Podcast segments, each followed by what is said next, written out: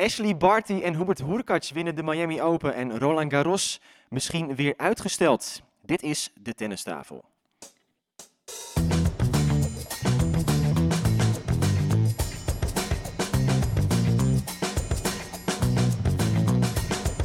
Please take your seats quickly, ladies and gentlemen.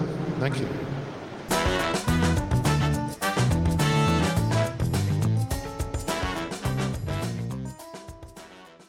Ja, mannen, vorige week zaten we gezellig met een gast erbij, Raymond Sluiter. David, gaat goed? Hij kijkt net Ja, zo moeilijk als het weer. Hebben hebben we ontvangst? Ja. Ja. Oh, top. Ja, mannen, het was wel een eh, bijzondere aflevering vorige week natuurlijk. Sorry, het klinkt echt heel raar. Ja, Zijn mijn Je oren ziet er ook heel anders uit dan normaal. ja precies. Al die nachtdiensten. Ja. Nou mannen, vorige week zaten we bij TCS Giebroek. En nu, ik kan het ook voor je doen hoor, zo Ja, moeilijk is het helemaal niet. Nou mannen. Goed heren, daar zitten we weer. Met z'n tweeën deze keer en niet meer eh, met eh, bijzondere gast Raymond Sluiter erbij. Want ja, dat was natuurlijk wel een bijzondere aflevering vorige week in eh, TC Schiebroek. Raymond Sluiter, heel uitgesproken. Stefan, wat is jou het meeste bijgebleven eigenlijk van wat hij allemaal heeft gezegd? Ja, nou, toen, we, toen we zaten, we hadden twee, twee uur opname in, eh, in Schiebroek met Raymond. We hebben teruggebracht naar anderhalf uur ongeveer, want ja, we hadden heel veel stof. En dan eh, komt het allemaal zo tot je, hè, op het moment dat we aan het opnemen zijn. En dan ga je daarna terugluisteren. En dat vond ik toch wel dat hij echt wel pittige dingen heeft gezegd. Wat me vooral opviel is dat hij toch dat Kiki-hoofdstuk, dat het echt heel diep bij hem zit. hè. En dat het eigenlijk nog niet goed afgesloten is voor hem, volgens mij. En wat hij ook nog zei van, eh, ja, misschien moet Kiki weer even terug naar de tekentafel. Misschien moet ze Martin van der Brugge eens wat vragen naast Elise. Of misschien mijzelf, Raymond dus. Dat vond ik wel heel erg opvallend. Dat hij zichzelf eigenlijk weer aanbood om nou, misschien een weekje of twee weken gewoon weer even te helpen of zo. Ja, hij zei het zelf, hè, ik heb maar één standje en dat is eh, dat ik eerlijk ben. En ja, ben openhartig en precies wat je zegt, onafgemaakt project. Hij, hij noemde ook zelf letterlijk op een gegeven moment, ehm, als hij Kiki nu ziet spelen, dat, dat ze dan door een bepaalde ondergrens zakt. Van ja, dat neem ik dan mezelf toch nog een beetje kwalijk. Dan heb ik er dus kennelijk niet op een niveau gekregen dat ze dat soort dingen niet meer doet. Heel erg eh, bijzonder gesprek. Ja, ik, ik vond dat wel het meest bijzondere eigenlijk. En ook wel een beetje overdreven natuurlijk. Dat Raymond nu nog zegt van ja, dat, dat, dat dus de ondergrens dat die niet goed genoeg is. Dat is dan eigenlijk nog een soort inderdaad gevolg van mijn werk. Dat ik dat niet goed genoeg heb gedaan blijkbaar. Hij, hij, hij sloeg wel een beetje door daarin, vond je niet? Ja, vond ik ook wel een beetje iets te overdreven inderdaad. Om haar ook wel te beschermen misschien. Maar ja, het geeft wel aan hoe diep het inderdaad nog zit bij hem. Eh, we hoorden het ook, eh, ja, als hij over Kiki sprak van... Ja, het is natuurlijk voor hem natuurlijk ook een soort... Ik zag John Verlotte een paar dagen later, eh, d- ik had het ook een beetje erover. En voor Raymond ook, dat hij natuurlijk gewoon zo'n succes heeft gehad met Kiki. En nu het ziet afbrokkelen eigenlijk natuurlijk. Hè? Dat is ook natuurlijk een soort, ja, een, iets, iets van pijn bij hem, denk ik. Kijk, ze hebben natuurlijk zo'n intense relatie gehad. En hij gunt haar natuurlijk het allerbeste. En ook het Nederlandse tennis. Want hij, volgens mij trekt hij ook veel breder. Van, eh, ik heb haar gebracht naar de top van de wereld. En, en dat is ook goed voor Nederland. En, en voor voorbeeldfunctie en zo. Eh, volgens mij voelt hij die, die druk ook nog wel op zijn schouders. Of die prestatie die hij geleverd heeft, is ook heel erg belangrijk. En dat hoopt hij misschien nu met Tellen ook te gaan doen. Hè? Niet de top 10, maar Tellen naar die top 100 kan en een soort boegbeeld gaat worden, ook weer voor de jonkies. Dan eh, ja, Ja, intens is wel het woord. Want zoals hij zelf ook weer terughaalde. De reden dat zij uiteindelijk met elkaar gestopt waren, Raymond en Kiki, was omdat Kiki hetzelfde wilde proberen of meer wilde presteren zonder die druk van Raymond steeds. Die steeds op de nek zat en steeds haar pushte om, eh, om allerlei dingen te doen. Maar dat was wel bijzonder dat hij dat, dat, hij dat gewoon uitsprak. Vond je niet? Ja. Hij, hij, zei letterlijk, hij zei letterlijk dus van, van Kiki stopte met mij, omdat ik eigenlijk... Nou ja, hij zei niet te hard was, maar dat kwam, was wel waar het op Precies. Ja, en hij zei, dat is ook een legitieme reden. En ik snap dat, oké. Dus je wil proberen of het ook kan met een wat meer relaxe eh, manier van werken. Dus Ja, maar dat- snap ik ook wel. Want als je dan Madrid wint en dan begint dezelfde avond of de, de volgende ochtend bij het ontbijt of hoe gaan we Rome winnen. Ja, weet je, je kennen, daar wil je natuurlijk ook wel even van genieten. En eh, even maar niet ja. denken aan de volgende training en eh, dat soort dingen. Maar het moet wel, als je het... eh, Ja, dat is tennis natuurlijk. Ja. Je, je mag maar 24 uur van het genieten. En dan de volgende pot kan je het zomaar weer verliezen. En dan is het weer allemaal weg. Ja, en ik kan me voorstellen dat Raymond ook, die, die werkt altijd met haar en die ziet wat ze kan. Dus die weet ook van, shit, als, er iets, als zij het ook wil, zoals ik het zie, dan kan het ook gewoon. Ook Rome winnen en ook, weet ik veel, nog meer dingen bereiken. Dus het is wel een ingewikkelde positie voor hem, wetende wat haar potentie is. Maar ook natuurlijk worstelend met die mentaliteit van haar een beetje. Het viel mij ook op dat hij, dat hij heel vaak de naam van Martin van der Brugge noemde. En dat is misschien voor de luisteraars niet allemaal bekend, maar dat is natuurlijk de, de trainer geweest die Kiki heeft opgeleid. Hè? En aanvankelijk nog een soort tweede stem ook was toen Raymond begon met, eh, met Kiki. Is later mm, ja, niet heel eh, eh, netjes verdwenen eigenlijk uit het team. En dat Raymond dat toch hem steeds weer noemde, dat viel mij ook op, Stefan. Ja, nee, absoluut. Kijk, eh Marten van der Brugge die heeft Kiki vanaf jongs af aan al begeleid. In het begin heeft hij, zeg maar, zelf ook tijd in geïnvesteerd. Dus niet alleen maar uurtje factuurtje gemaakt voor, de, voor, de, voor het gezin van dat komt wel, dat komt wel. En niks op papier gezet. Ja, en, en dan kwamen opeens die hele grote successen. En toen werd hij een beetje kalt gesteld. Van ja, bedankt voor je bewezen diensten. En ja, daar zat niks tegenover wat ik toen begreep. En eh, nou, met Raymond is dat dan wel goed gekomen. Want Raymond doet nu wel wat voor Martin. Hè? Met Suzanne Lamens eh traint hij eh, regelmatig. Dus, dus dat is wel goed gekomen. Maar zo zie je maar, weet je. Het is natuurlijk ook harde business. Wij kijken natuurlijk sport. Wij, doen het voor onze hobby dan zeg maar zelf beoefenen. Maar ja, het is daar natuurlijk gewoon business. Het is gewoon werk. Dus je moet toch goede afspraken maken. En op papier zetten. Ja, een contract is er voor als het slecht gaat, zeg maar. Of als je uit elkaar wil. Niet als het goed gaat. Ja, dat was dus de Raymond Sluiter special, kunnen we wel zeggen. Natuurlijk nog steeds terug te luisteren voor, voor wie het gemist heeft. David, waar zitten we nu eigenlijk? Want we, we zijn hier eh, aangekomen ergens bij jou in de buurt, hè? In, eh, in, in Loenen. Vertel. Ja, LTC eh, Loenen. Vrij eh, kleine vereniging hier. Eh, wa- wat het vooral bijzonder maakt, is het vechtstreektoernooi wat ze hier hebben. En dat is een eh, toernooi waar elk jaar ja, zes, zeven clubs ongeveer uit de regio aan meedoen. En dan gaat dus de beste jeugd van elke club, neemt het hier tegen elkaar op. Dat is echt gewoon de selectie van de, de allerbeste spelers. En dan gaat het om de vechtstreek cup die je dan kan winnen. Er zijn al 41 edities onafgebroken achter elkaar geweest. Ik heb er zelf ook aan meegedaan in het verleden. Mijn zusje is nu ook regerend kampioen bij de tot en met 18 categorie. En wat er dan ge- gebeurt is, dan moet je dus in die verschillende leeftijdscategorieën spelen. En die punten worden bij elkaar opgeteld en aan het einde is er een winnende club.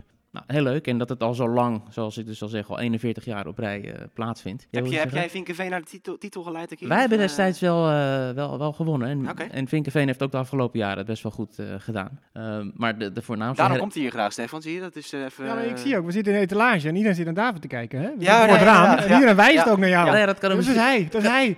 kan er misschien ook mee te maken hebben dat, dat, dat ze die ene jongen nog herinneren die... ja, kijk, mijn mentaliteit op de baan was niet ideaal in mijn jongere jaren. Zo, dus Oh, ik, ja, ik was gewoon Oh. een choker. een joker. Ik was een Oh. ongelofelijke choker in de jeugd. En er is één moment wat ik me natuurlijk nooit meer eh, zal vergeten. Dat ik me ja, gewoon een waanzinnig slechte wedstrijd weer speelde. Die verloor ik natuurlijk. Ehm, en mijn vader die was ook aan het kijken. En mijn vader is vrij streng. Dus die werd weer boos, zoals altijd. En, en toen zei ik dus tegen hem... Ja, waarom ben je eigenlijk geko- gekomen als je het eh, allemaal niet zo leuk vindt? nou, toen ging hij helemaal door het lint. En toen, eh, toen heeft hij dus, toen we bij, bij thuiskomst eh, in Vinkenveen, heeft hij mijn rackets in de sloot gegooid. ik zocht die, het waren die TI Radicals, nog die oude head rackets destijds. Dus dan weet je ongeveer om welke tijd het gaat. En die heeft mijn opa toen eh, eruit gevist uit, uit de sloot. Dus ik heb nog levendige herinneringen aan dit toernooi hier. En heb je ze nog die records? Of? Jazeker, jazeker. Een visnetje. in.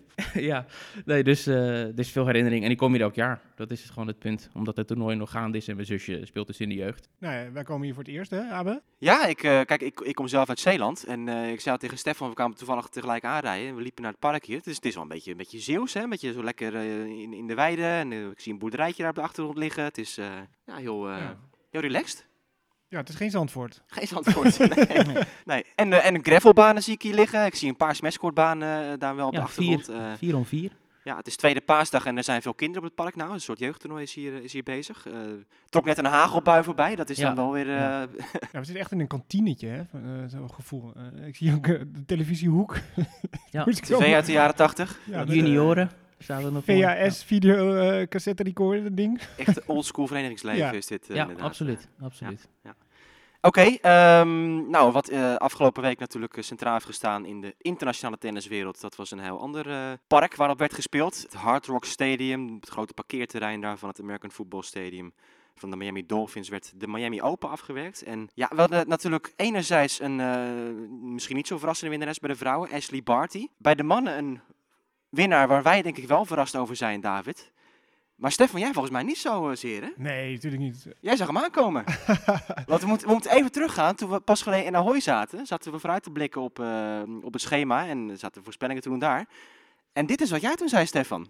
Ik heb zo'n voorgevoel dat het een hele verrassende winnaar wordt deze week. Eh, Ik zeg de hele tijd al Hoerkac. Hubert Hoerkac. Ja, misschien ook een beetje Pools invloeden van mij dat ik Ja, hem ja. promoot. Maar Hubert Hurkacz, hij zag hem gewoon aankomen, jongens. Het is toch ongelooflijk dit? Ja, maar die ATP 500 in Rotterdam, daar slaat hij gewoon een beetje over. Hij pakt gewoon ATP 1000. Nou ja, hij heeft toch gespaard thuis inderdaad. Ja. Je hebt gewoon, gewoon een te kleine voorspelling nog gedaan voor hem. eh. Ja, ja, inderdaad. Ja, Maar ja. vertel, waarom, eh, waarom zag je het zo zitten in, eh in Hubi? Eh, nou, over choker gesproken, dat, dat zou die, dat kan hij ook best goed in het verleden. dus het is alles kunnen. maar ik, eh, ik ben wel fan van zijn eh, manier van spelen ook wel. Van goede service. En hij beheert, vind ik, alle slagen. Hij gebruikt ook de hele baan, vind ik. En je ziet hem ook best wel vaak in highlights voorbij komen. Dat hij een mooie stopvolley heeft die over de tramrails terugspringt. Of, ja, maar kan ook echt, echt klappen uitdelen en zo. En redelijk vast, maar ook weer afzwaaiers. Ja, ik vind dat hij echt alles in zich heeft. Qua persoonlijkheid, ja, is het ja, nog niet echt eh, sprankelend misschien. Maar Ja. ja, ja ik vind Nou ja, dat is leuk dat je dat zegt, persoonlijkheid. Want ik was in Indian Wells in 2019. Dat is een van de eerste keren of zo dat hij... eh, of hij had een belangrijke wedstrijd gewonnen... of hij moest tegen Federer of iemand spelen. Er was iets in ieder geval. Dus hij kwam daar binnen in die persconferentiezaal. Dat is ook de eerste keer voor mij dat ik eh, geconfronteerd was met Hubert Hurkacz. En hij komt zo binnen, zo heel, heel zachtjes. En, en heel blij om die, om die persconferentiezaal te zien. Al die journalisten. Elke journalist kreeg onafhankelijk zo'n knikje van hem. Van bedankt dat- je hier bent. En hij vond het helemaal geweldig. Het is, het is een ontzettend bescheiden, Ja. eh, lieve eh, jongen, Ja, volgens mij. Ja, nee, ik- ja, in 2019 Indian Wells. Ik zit even op te zoeken, want ik sta hem ook eens van bij. Hij heeft toen nog een kwartfinale gehad, dacht ik, of zo. Ja, ik geloof dat hij van Federer verloor uiteindelijk. ja, dat is ook zo'n groot idool. Ja, van wie niet, zou je zeggen. Maar eh, bij hem ook zeker. Dus het deed hem ook heel veel eh, dat hij Miami eh, eh, won. En dan is hij natuurlijk opvolger van eh, Vetje. Niet? Ja. Oh, ja, ja. Ja, toch? Ja, Ja, dus dat, deed- dat deed 2019 hem, eh, deed hem veel. Was de vorige keer. Maar eh, ja, kwartfinale had hij inderdaad de verloor die van Federer daar Ja, zo in 2019. Maar zijn route naar de, naar de titel eh, ongekend. natuurlijk. Nou ja, echt verdiend, hè? Precies, want jij zegt hij kan, hij kan choken, maar het was nu eigenlijk omgedraaid. Want hij won van Tsitsipas na een set en een break achterstand. Volgens mij bijna twee breaks dacht ik dat hij, eh, dat hij achterkwam. En Rublev in de halve finale, daar won hij van. En op dat moment was Rublev de hoogst geplaatste speler nog actief. En die zei ook echt van, ja, ik was gewoon... ik, ik wist dat ik echt nu de favoriet werd. En ja, je zag het aan hem, hij speelde echt, echt slecht, Rublev. Echt, echt gewoon bevangen van de spanning en veel fouten en noem maar op. En ja, Hurkacz wint daar met 6-3, 6-4. En wint dus in de finale van, eh, van het supertalent voor dit moment, eh Ja. Yannick Sinner. Ja, en het was, grappig, het was internationale worteldag. Weet je dat hoor? Gisteren toen de finale Oh. gespeeld werd. Ja, ja ik voel aankomen waar je heen wil, ja. Maar eh, zeg het maar. Dus, eh, dus Jannik Sinner had misschien eh, wat meer support dan anders. Met zijn mooie rode krullen. Eh, ik vond het eigenlijk wel verrassend dat het twee setjes was, eh, Ja. moet ik zeggen. Ja, maar precies wat je net zei over dat klappen uitdelen van Hurkacz. Als je dan die rallies kijkt van Hurkacz Sinner. En over Sinner wordt natuurlijk gezegd, en dat zien we zelf ook, eh, hoe ontzettend makkelijk die tempo maakt. En als je dan ziet hoe Hurkacz dat gewoon eh, evenaart en af en toe er ook overheen ging. Zeker in die backhand eh, rallies. ja, had Ja, echt, eh, eh, wauw. Ja, af en toe. Maar het is natuurlijk wel een gek toernooi geweest bij de mannen.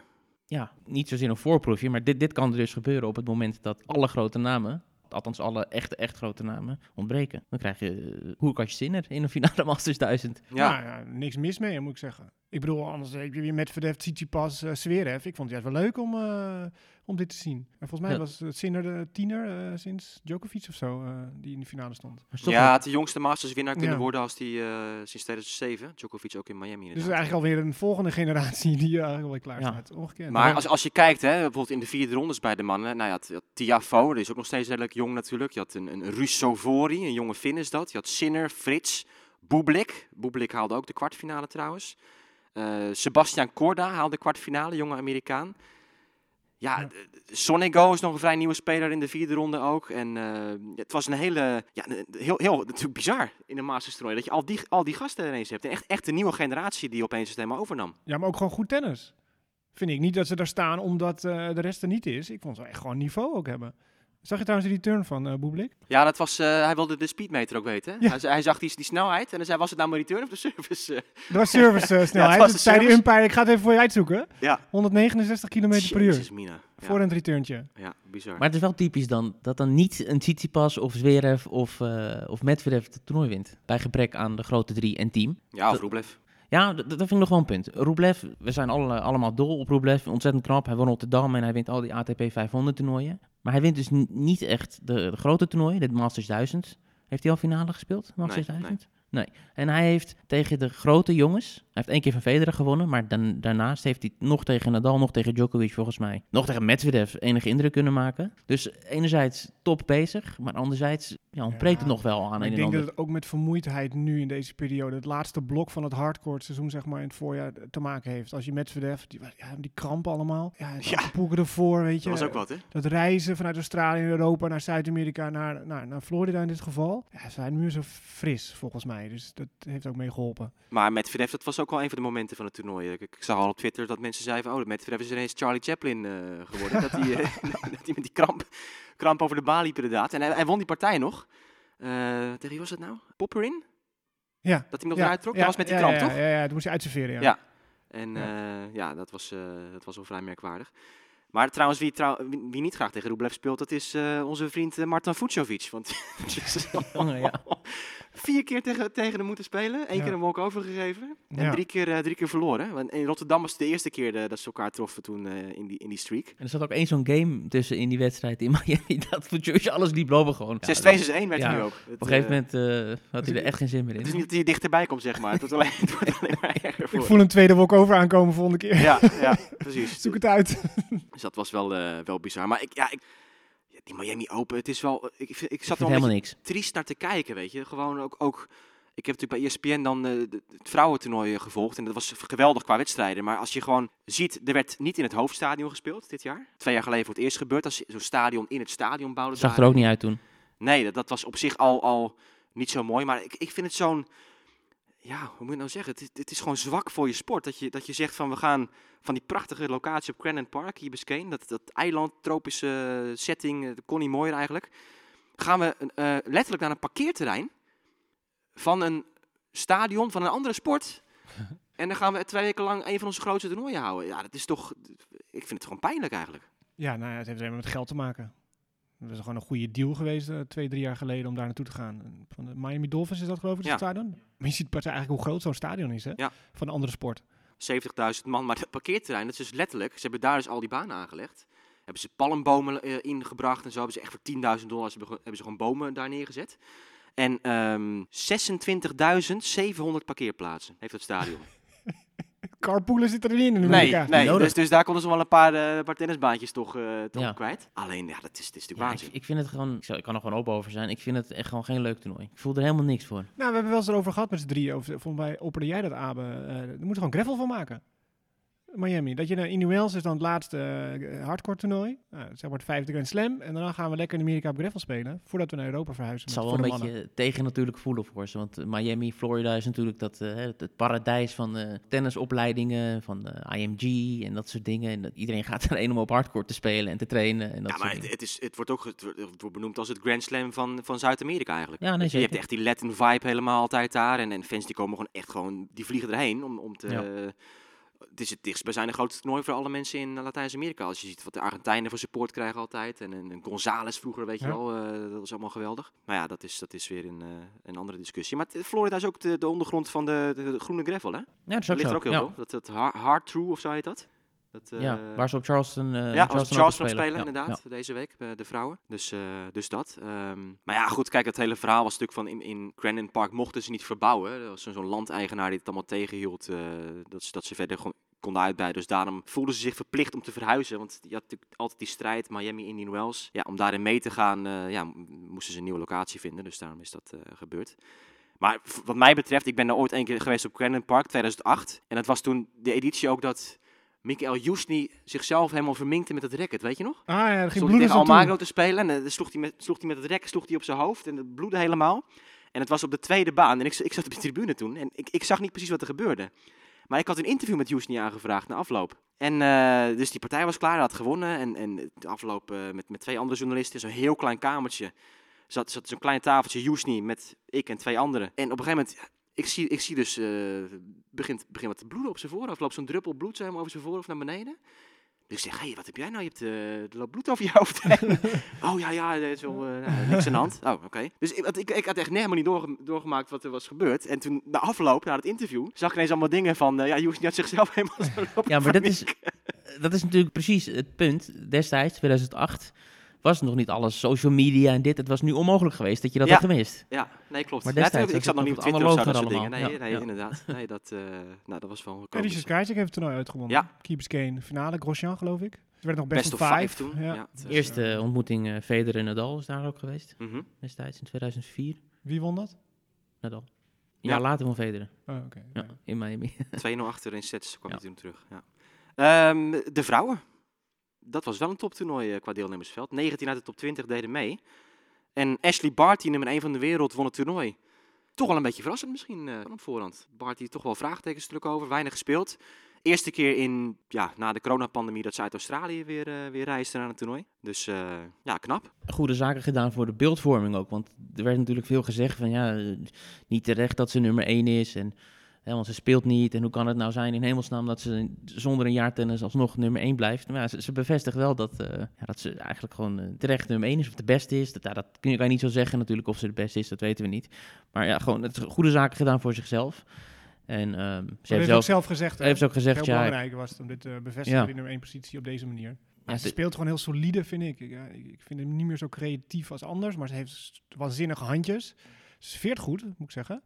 En ik vind het knap als je dan zo'n Sabalenka bijvoorbeeld, gewoon zo'n powerhouse tegenover je, dat ze dat dan toch weet te pareren, zeg maar. Want heel veel power heeft ze niet, maar met haar spel dan eh, er doorheen te komen. Ik weet niet wat jullie daarvan vinden. Ik snap niet dat het niemand erin slaagt om haar in die backhandhoek... eh, Ja, maar dat, ja, ik snap dat punt. Maar dat, die backhand vond ik echt heel goed, dit toernooi.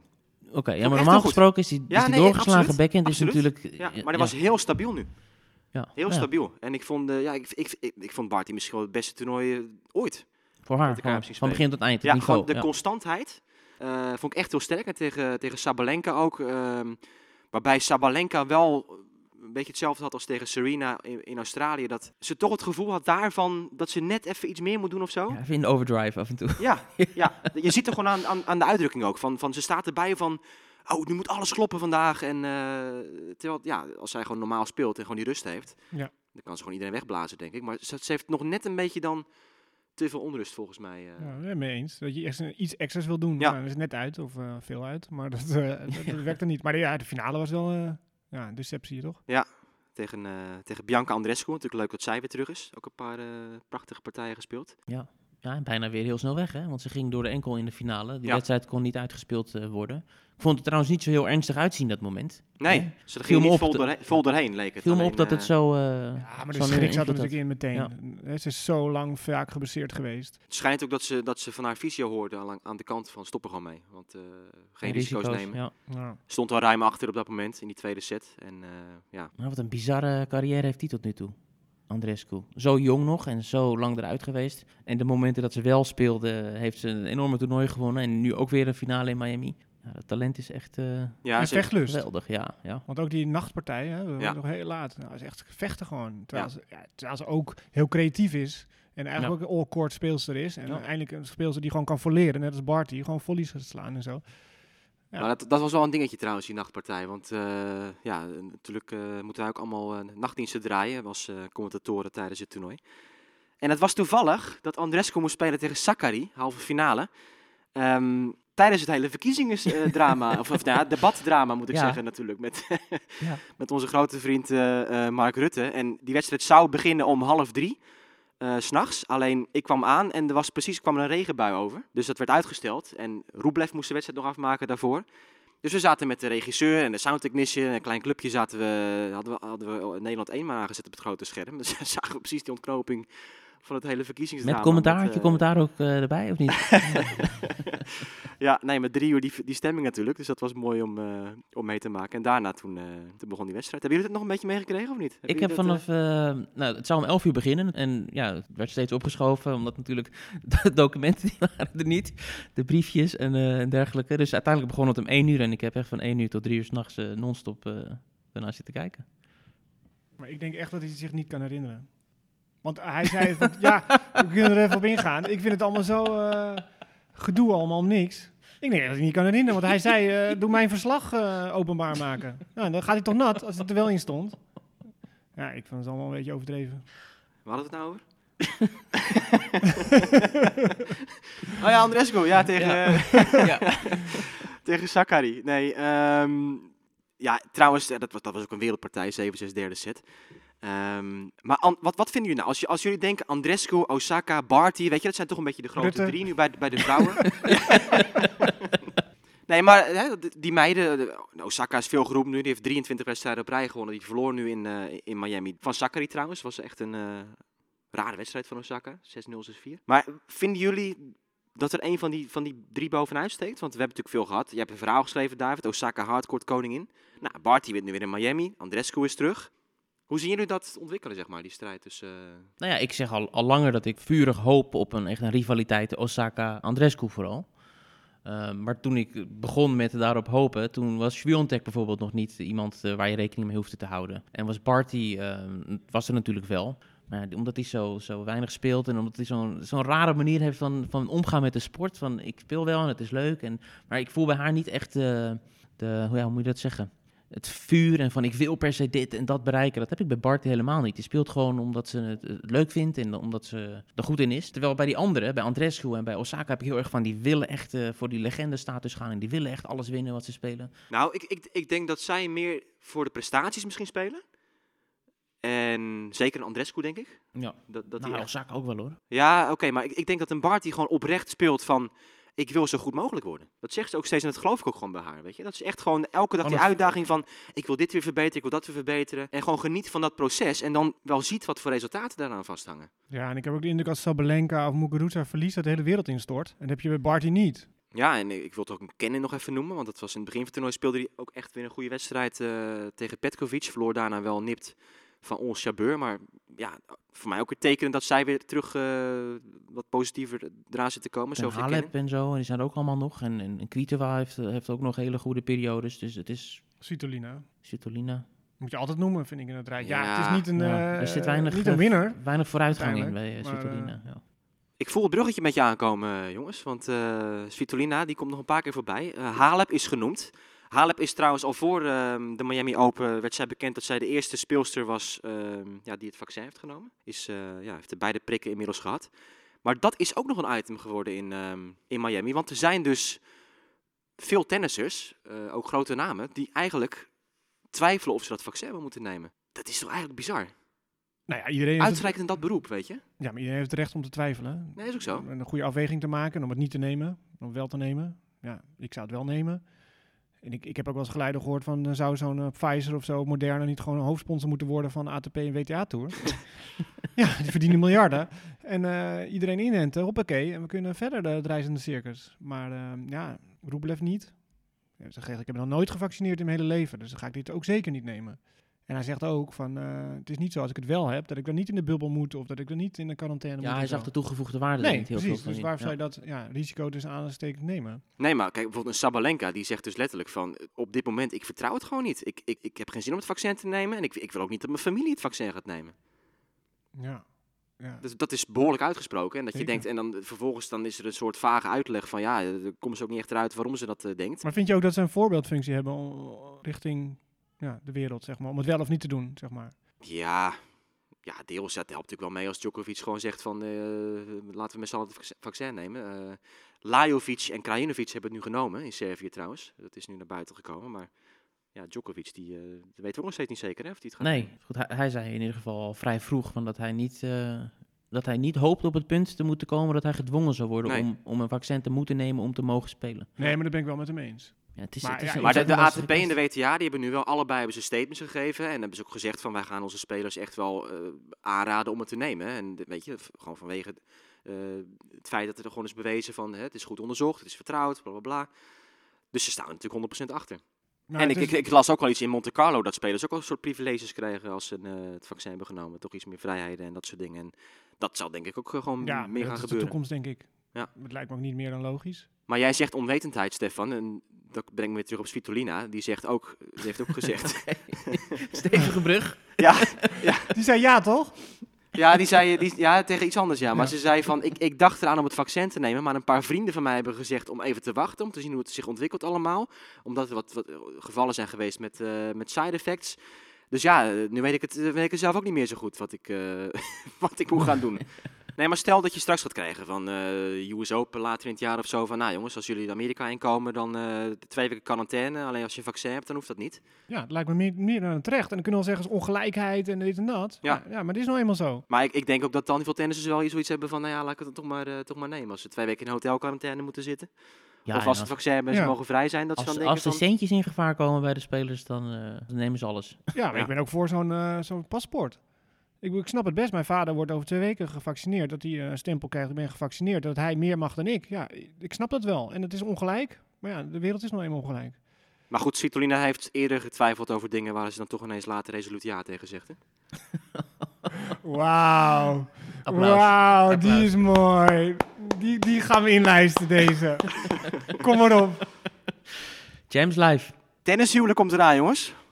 Ja, eh, ze waren uit elkaar. Dat was Ja. het laatste nieuws wat we brachten natuurlijk. Een of paar weken niet. geleden. Of niet? Ja, ja. Of was dat ook een soort setup eh, van... eh, Nou ja, ik, Milos Raonic, die was er bijvoorbeeld flink van ondersteboven. Hè? Die had op Twitter al gezegd. ja, dat dit heel Wat jammer zei hij? vond. Vond het erger dan? Hij maakte een vergelijking Ja, iets mee. van eh, Kanye West en eh, Kim Oh Kardashian. ja, of oh ja, precies, ja. Maar goed, gewoon gingen dus Gael Monfils, Elina Svitolina, waren lang bij elkaar onder Ja. het motto James Live was dan op Instagram, was, eh, was heel groot. Ja, Gael, Elina. Monfils, Svitolina, Ja. James. Die gingen uit elkaar of niet. Maar goed, die hadden een pauze. En wat schetst onze verbazing dit weekend of een paar dagen geleden? Een keiharde grote ring om de vinger. Ze zei ja tegen Gael. dus ze gaan trouwen. Volgens mij in juli al. Ja, vrij snel Dus, inderdaad. ja. eh, ja. Dus dan gaan we ook Game Monfils horen op de WTA-tour. Gaat ze om met naam ook? Nou, dat weet ik niet. Dat zou wel een stunt zijn. Dat- dat- dat- zou dat toch gebeurt niet Elina veel. Monfils, Svitolina. Maar dan wint ze niks meer. Leslie Patinama Kerkhoven. Kan ze wel beter serveren meteen. Justine Ene Arden. Hè, dat kan allemaal wel. Dat Dat zou wel dat- geestig dat, zijn, ja. Gaat ze beter serveren, zeg je. Iets meer pit in die voorhand en zo, dat soort dingen zeggen dan. Ja, wie weet. Nee, dat was, eh, dat was inderdaad leuk nieuws. Eh, minder leuk nieuws en ja, iets wat natuurlijk wel zorgen baart. ehm, de kwestie Roland Garros. Daar, want jij neemt altijd van die mooie kopjes mee van, eh, van Roland Garros. Ja. En de, de, de, de koffie eh, wordt erin geschonken. Misschien eh, geen Roland Garros voor de tweede jaar op rij in mei. Ja, ja de corona-ellende krijgen ze niet op tijd onder de knie. En ook in Frankrijk is de, de vaccinatieplanning en rollout een beetje vergelijkbaar met hier in Nederland volgens mij. Dat wil ook nog niet helemaal lukken. Dus dat, eh, dat komt in gevaar. En iedereen weet natuurlijk nog wat er vorig jaar gebeurde toen, eh, toen Roland Garros eenzijdig een beslissing nam om hè, een, een slot in september te pakken. Wanneer, wanneer zeiden ze dat? In maart al. was heel vroeg Eind al. maart, eind, Vrij vroeg, deze tijd. ja. Ja. Toen, toen claimden ze al gewoon eh, eenzijdig zonder enig overleg met de andere Grand Slams, zon- zonder overleg met ATP, WTA, van dan gaan wij het houden later in het jaar. Nou, dat zou ook wel, ik denk ook wel begin april zijn geweest. Maar, dus, maar in ieder geval, ja. vroeg. Maar dat, dat kunnen ze niet nog een keer doen. Ze hebben nu gezegd ehm, dat er discussies gaande zijn dus met, eh, met, met de overheid. eh, om te zien of de data moeten worden aangepast eh, of niet. Dus dat ligt nog een beetje open. Maar Nou, er is natuurlijk geen ruimte om het een paar weken op te schuiven. Want het grasseizoen is er en Wimbledon gaat ja, sowieso door. nee, dus dan zou het weer naar het najaar moeten. Precies. Alleen wat je dus nu hebt, is dat natuurlijk in principe gewoon die toernooien het najaar die vorig jaar niet doorgingen in China, dat hele blok. Dat gaat in principe dit jaar wel door. Dus ja, hoe ze dat dan voor elkaar moeten krijgen, dat weet ik ook niet. Nee, dus dat is eigenlijk geen optie. Dus het is of, Of het niet. seizoen moet worden verlengd dan, hè? dat je zegt Ja. van we prikken het daartussen en... eh, Maar we hebben het nu ook ervaren in de herfst, zo'n eh Roland Garros. En volgens mij was het best wel pittig hoor, met die zware banen en eh, temperaturen en zo. Maar ja, het werkt wel. Dus ze hebben nu wel een precedent van dat het kan. En, Ja, Ja, maar, maar ze hebben nu ook dit jaar avondsessies en dergelijke hè, erbij. ja, maar ja, dat hadden we vorig jaar in principe ook. Ja, maar echt eh, wedstrijden die in de Ja, avond pas eh, ja. starten. Maar het is dus een optie. Het gaat door of het gaat niet door. Ik denk niet dat het een verschuiving een optie is. Dus het zal wel doorgaan. Alleen, ja, Frankrijk zit nu in lockdown. Ja. Nou ja, goed, als zij geconfronteerd worden vanuit Als de overheid niet als mag. die mag, dan mag nee, maar niet. die hebben nu gezegd, weet je, eh voor ons nog. Drie weken mei- lockdown hè, is het nu. Ja, dus, en dan gaan we zien. En ze verwachten half mei evenementen weer toe te laten. Nou ja, dat is dan twee weken later hebben we... Ja, want het is een of andere wielerwedstrijd die al is uitgesteld, Ja. geloof ik. Maar kijken hadden we het gaat. publiek erbij in het najaar? Roland Garros? Ja. Ja, een paar duizend. Ja. Het, het was aanvankelijk wilden ze er heel veel mensen en elke Ja, week werd het het steeds minder minder. totdat er een soort minimum Ja. aantal was. Ja, dat zal meer de issue zijn natuurlijk. Ik denk het toernooi, eh, ja, de spelers, wel of niet gevaccineerd, eh, die kunnen natuurlijk spelen. Dat wordt nu ook bewezen. Overal, de spelers gaan eigenlijk goed. Ik hoor eigenlijk bij, niet meer echt over besmetting of terugtrekkingen en dat soort dingen daardoor. Dus de spelers kunnen gewoon spelen. En eh Hawkeye Live hebben we. eh, ja, we hebben het gezien. Indoor, buiten, binnen, alles is goed gegaan. Alleen of het met publiek kan of niet. Ja, en of zo'n slam het nog een keer kan dragen om met maar 10% publiek te spelen. Ja. Dat is natuurlijk ook een eh, financiële afweging. Kiki Bertens zou gaan spelen in, eh, in Charleston deze week. Ehm, zou het mooie startseizoen misschien moeten zijn voor eh, Kiki Bertens om de draad weer op te pakken op gravel. Alleen tegenvaller hè? Ze heeft zich afgemeld. Ja, volgens mij hetzelfde Achillespees eh, kwestie. Dat herstelt niet goed of ze voelt daar nog steeds wat aan. En dat, ja, dat levert toch nog de nodige onzekerheid en misschien zelfs pijn op. Ik weet niet, dat heb ik niet zo heel goed begrepen of ze daar echt pijn aan beleeft op dit moment. Maar in ieder geval eh, speelt ze dus geen Charleston en komt het uh, gravelseizoen in zekere zin eh, wel een beetje in gevaar. En de Billie Jean King Cup, eh, 16, 17 april eh, tegen China gaat Nederland spelen.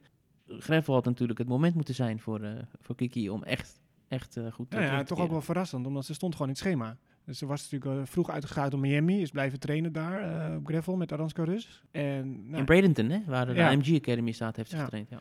dus ze was er gewoon. Dus het was, eh, ja, ze stond in het schema en toch op het allerlaatste moment gezegd, nou, het gaat niet werken. Het is niet zo dat die overgang van hardcore naar gravel meteen problemen gaf. Dus heeft ze toch wel een aantal dagen gewoon getraind. Ja.